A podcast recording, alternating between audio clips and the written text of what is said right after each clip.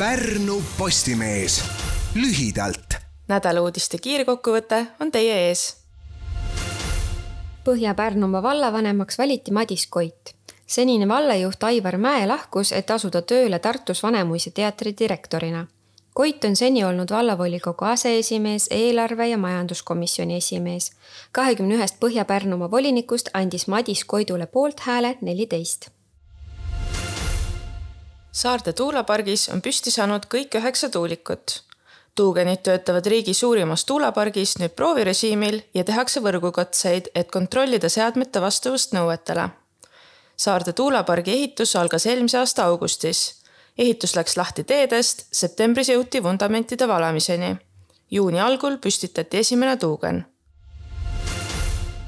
augusti alguses viis tume auto Tammiste Vibu staadioni lähistele haagisega suure koguse prügi. See on nüüdseks koristatud, kuid kuna prahti on paika toodud varemgi, paigaldati sinna valvekaamera. keskkonnaamet kasutab saadud foto või videomaterjali prügistajate isikute tuvastamiseks ja tõendusmaterjalile nende vastutusele võtmiseks sel nädalal toimuvad Tallinna Lauluväljakul kettagolfi Euroopa meistrivõistlused, kus pärnakat Kristin Tatarit on seni saatnud suur edu. Eesti parim kettagolfar läks EM-i teisele päevale vastu esikohalt, kui tema edu lähima konkurendi ees oli viis viset. teisel ringil pani aga eestlanna järgmise käigu sisse ning pakkus kodupublikule karjääri vägevaima etteaste kolmandale päevale minnes on Tatari edu lähimate konkurentide Henna Blomroosi ja Silva Saarineni ees neliteist viset. kuigi vahe on suur, siis eestlane endale veel kulda kaela ei riputa. mina enda mängu ei muuda, kuigi edu on suurem, tõdes valitsev maailmameister.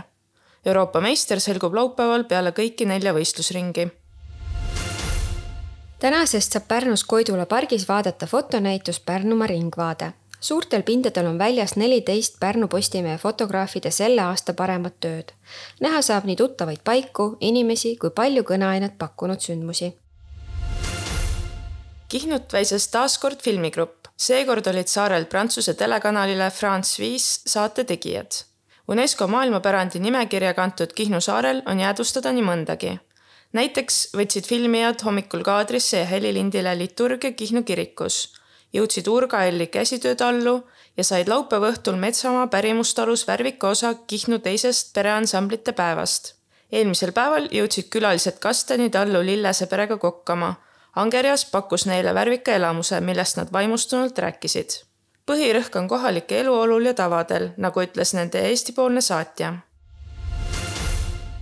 kõiki lugusid saab põhjalikumalt lugeda Pärnu Postimehe veebist uudised valisid ja lugesid ette Siiri Erala ja Grete-Liisa Sihver Pärnu Postimehest.